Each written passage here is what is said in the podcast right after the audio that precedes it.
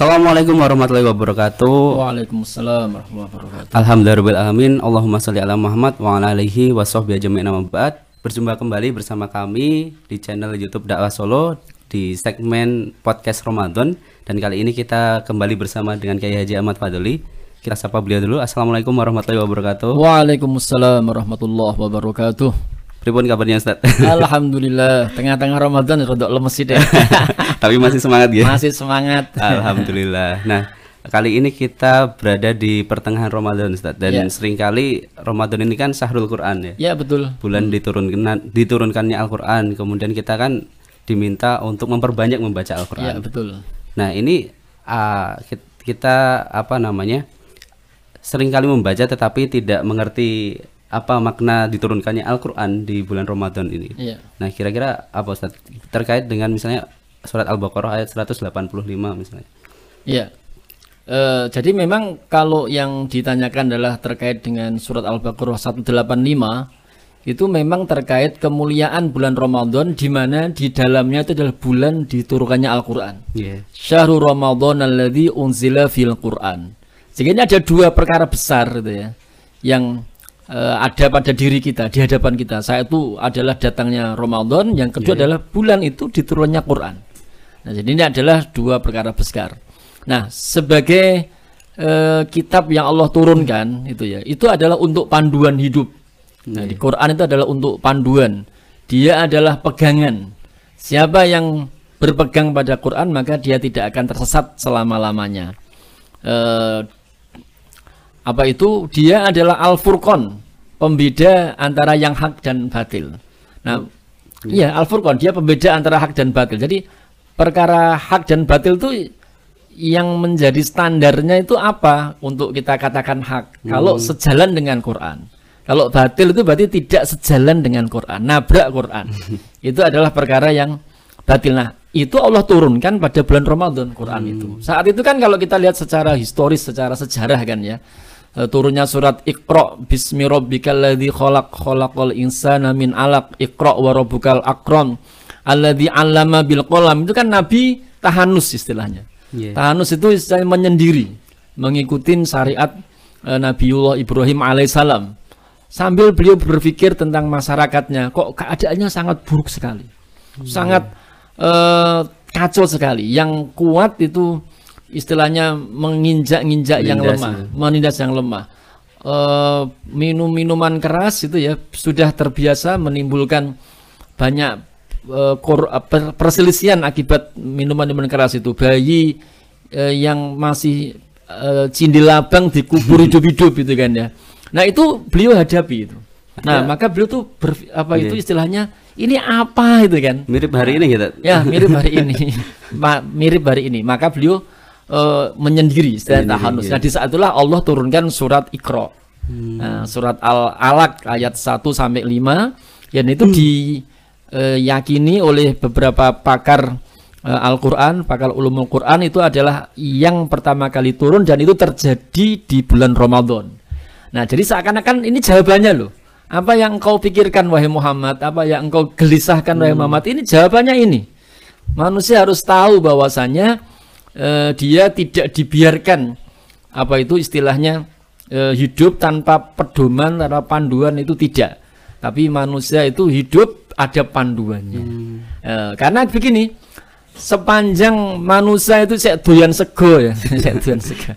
Eh, mesti dia akan melakukan hal-hal yang sejalan dengan kepentingannya. Hmm, Nah, makanya kalau nanti manusia yang membuat panduan hidupnya sendiri mesti akan sesuai dengan kepentingannya. Hmm. Nah, maka yang membuat panduan hendaknya yang menciptakan manusia, Hmm. yang tidak berpihak, yaitu Allah Subhanahu wa taala. Allah turunkanlah kepada kita tuh Quran tujuannya adalah uh, sebagai hudal linnas, nah, petunjuk bagi manusia. Jadi di uh, frasenya itu ada hudal linnas, tapi ada hudal lil muttaqin. Bedanya apa itu? Nah, jadi gini, kalau hudal linnas itu secara umum sebenarnya Quran adalah petunjuk untuk semua Seluruh umat manusia. manusia. Iya, bukan Namun yang aja. eh, namun yang mengambil faedah itu hanya mutaki. Hmm. Makanya ada hudal linnas, ada hudal lil mutaki. Jadi sebenarnya semuanya itu butuh Hmm. butuh Al-Qur'an semuanya kan. Makanya Allah turunkan petunjuk untuk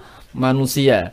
Namun kok tidak semuanya mengambil petunjuk Quran hanya sebagian. Nah, sebagian itulah yang mengambil petunjuk itu adalah yang mutakin. Makanya ada hudal linnas di satu ayat, di ayat yang lain adalah hudal lil muttaqin. Nah, jadi begitu. Nah, e, memang namanya syahrul Quran ya. Itu memang membaca membaca Quran itu pahalanya besar sekali. Iya. Ya, satu huruf dilipat gandakan oleh Allah 10 huruf. Apalagi di Kalau- bulan Ramadan. ya. Ah, itu ya, apalagi bulan Ramadan. Jadi kalau kita mengucapkan alif lam mim itu adalah alif satu huruf, Iya. lam satu huruf, mimnya double kan ada tasdidnya. Itu dua huruf. Nah, itu dilipat gandakan. Nah, namun tidak cukup untuk dibaca.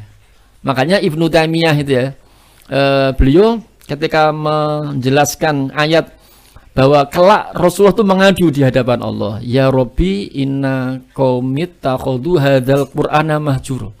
Ya Allah, eh, ya Rob ya, sesungguhnya kaumku ini telah menjadikan Quran itu dihijrai, dihijrai ditinggalkan. Nah, Ibnu Taimiyah mengatakan begini. Siapa yang membaca Quran namun tidak mentadaburi maknanya, eh, maka dia lari dari Quran, maka dia menghijrai Quran, bukan hijrah menuju Quran atau hijrah dengan Quran, tapi menghijrai Quran, Qurannya ditinggalkan. Siapa yang membaca Quran, memahami maknanya, tapi tidak mengamalkannya, maka dia juga hijrah dari Quran. Siapa yang membaca Quran, eh, mem- apa, membaca Quran, memahami maknanya, tidak mengamalkan itu hijrah dari Quran. Nah, maka kalau tiga-tiganya itu baru dikatakan tidak hijrah. Hmm. Jadi membaca, ya memahami, ya mengamalkannya. Itu. Nah, lalu bagaimana kita menghadirkan Al-Quran dalam kehidupan kita? Benar-benar mewujudkan Al-Quran itu benar-benar Al-Huda, Al-Furqan begitu. Ya jadi eh, setiap apa yang kita lakukan itu kan ada motivasinya, Hmm. ada motivasinya kan. Entah itu dalam memenuhi hajat kehidupan kita atau memenuhi naluri kita. Kan semua aktivitas kita kan untuk itu. Nggih. Eh, motiv eh, ada eh, dorongan untuk memenuhi hajat kebutuhan kita, untuk memenuhi naluri kita. Nah, Allah itu tidak membiarkan kita seenaknya memenuhi hajat kebutuhan kita, tidak seenaknya kita menaluri kita. Namun Allah beri petunjuk. Nah, kalau kita adalah sebagai hamba Allah ya, sebagai hamba Allah, maka ketika kita ingin memenuhi kebutuhan kita, naluri kita, kita tanya dulu, ini hukumnya apa? ini boleh atau ti- tidak? Nah, itulah namanya menghadirkan Quran. Pun pula kalau kita mengalami satu hal ya, kesedihan, kepedihan itu kan ya, tengoklah Al-Qur'an. Banyak ibroh-ibroh eh, yang bisa kita ambil dari Al-Qur'an. Ketika kita melihat fenomena sosial dan politik, kita lihat Al-Qur'an. Bagaimana Allah menceritakan kehidupan umat terdahulu. Ada Firaun, ya orang yang punya kuasa, bagaimana nasibnya? Ada Korun, orang yang punya kekayaan, bagaimana nasibnya? Ada orang, misalkan ya, ahli Taurat, dia ahli Taurat, ahli kitab, diberi oleh Allah kitab. Tapi dia diberi kitab, tapi tidak mengamalkan kitab. Allah ibaratkan dia seperti keledai yang memikul kitab-kitab kan, masa seperti yang di dalam surat eh, Al-Jumuah. Mathalul ladzina hummilut taurata thumma lam yahmiluha kamathalil himari yahmilu asfaru. Maka kaum muslimin pun begitu. Dia diberi Quran, tapi dia bersikap seperti ahli kitab terhadap Taurat, maka ya dia seperti keledai yang memikul kitab ki- kitab. Ada perumpamaan lain kan selain itu. Orang diberi kitab oleh Allah, lalu kitab itu lepas darinya, lepas darinya. Nah itu adalah ibarat apa itu istilahnya anjing. Yang kalau kita halau dia menjulurkan lidahnya. Kalau kita biarkan dia menjulurkan lidahnya. Jadi ini adalah menghadirkan Quran dalam kehidupan sehari-hari. Nah, kalau kita tidak menjadikan Quran itu sebagai panduan kehidupan sehari-hari, berarti kita hidup saenake dewe, saenak udele dewe. ini tidak boleh. Kita hidup itu pakai panduan kehidupan. Dia hudan petunjuk rambu-rambu. Jadi kan rambu-rambu seperti itu kan. Misalnya kita mau Iya. pergi ke eh, Surabaya, nah, terus ada rambu-rambunya. Nanti sampai Palur itu arahnya Seragen kiri. Nah, Iya. kita ngikutin. Kalau enggak malah nanti kita sampainya ke Tawangmangu ke Sarangan. Nah, Quran itu begitu. Kalau kita ingin sampai kepada Allah, ya ikutilah petunjuk Allah Subhanahu wa taala. Tapi kalau kita tidak memakai petunjuk Allah itu ya, kita saenake dhewe hidup kita, kita tidak akan sampai pada Allah. Hmm. Itu kira-kira begitu. Lalu bagaimana dengan tatanan kehidupan hari ini Ustaz? Ini kan tidak berlandaskan Al-Qur'an kalau bisa kita lihat begitu. Iya, jadi eh, siapa yang tidak berhukum dengan Quran, mesti dia tidak adil. Hmm, Siapa yang tidak adil, mesti dia akan menciderai kemanusiaan itu sendiri. Nah itu. Nah, makanya kalau oh eh, Quran tidak dipakai ya, jadi pakai diwujudkan dalam kehidupan, eh, tapi misalnya hanya dibaca-baca tok, tidak berusaha untuk diterapkan dalam kehidupan, maka nanti ya ibaratnya Quran karek tulisan nih, ya kan karek tulisan nih. Dia harus mau mewujud dalam kehidupan. Memang ini rupa-rupanya ya, rupa-rupanya ada upaya-upaya eh, untuk menjadikan makna agama itu spiritualitas.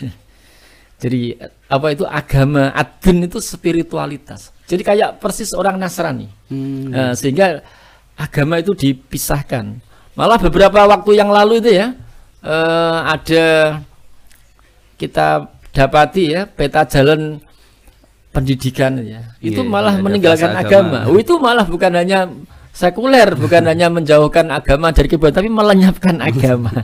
Nah, Masya tapi Allah. satu sisi Qurannya dibaca, tapi kalau peta jalan pendidikan kayak begitu ya ini kan nggak sambung. hmm, iya. Ya, makanya nah ada sebuah hadis tuh kaming eh, kamin kori wal Quran yal anhu. Betapa banyak orang membaca Quran tapi Quran melaknatnya. Hmm, Nah, itu aspeknya banyak. Bisa aspek apa itu tidak dibaca dengan bertajwid ya. eh, karena hukumnya wajib tapi Iya. juga bisa dalam aspek ya mukur hanya hiasan saja dia. Masya Allah. Tidak diwujudkan dalam kehidupan itu kam min qari'in wal Quran yal anhu. Berapa banyak pembaca Quran, Quran justru melaknat. melaknatnya. Nah itu begitu kira. Naudzubillah min dzalik. Oke, eh, itulah tadi pemirsa dakwah Solo ya makna diturunkannya Al-Qur'an di bulan Ramadan. Semoga kita bukan termasuk orang-orang yang hanya membaca Al-Qur'an tetapi tidak memahami bahkan tidak mengamalkannya. Sekian dari kami wabillahi taufiq wal hidayah. Wassalamualaikum warahmatullahi wabarakatuh. Waalaikumsalam warahmatullahi wabarakatuh.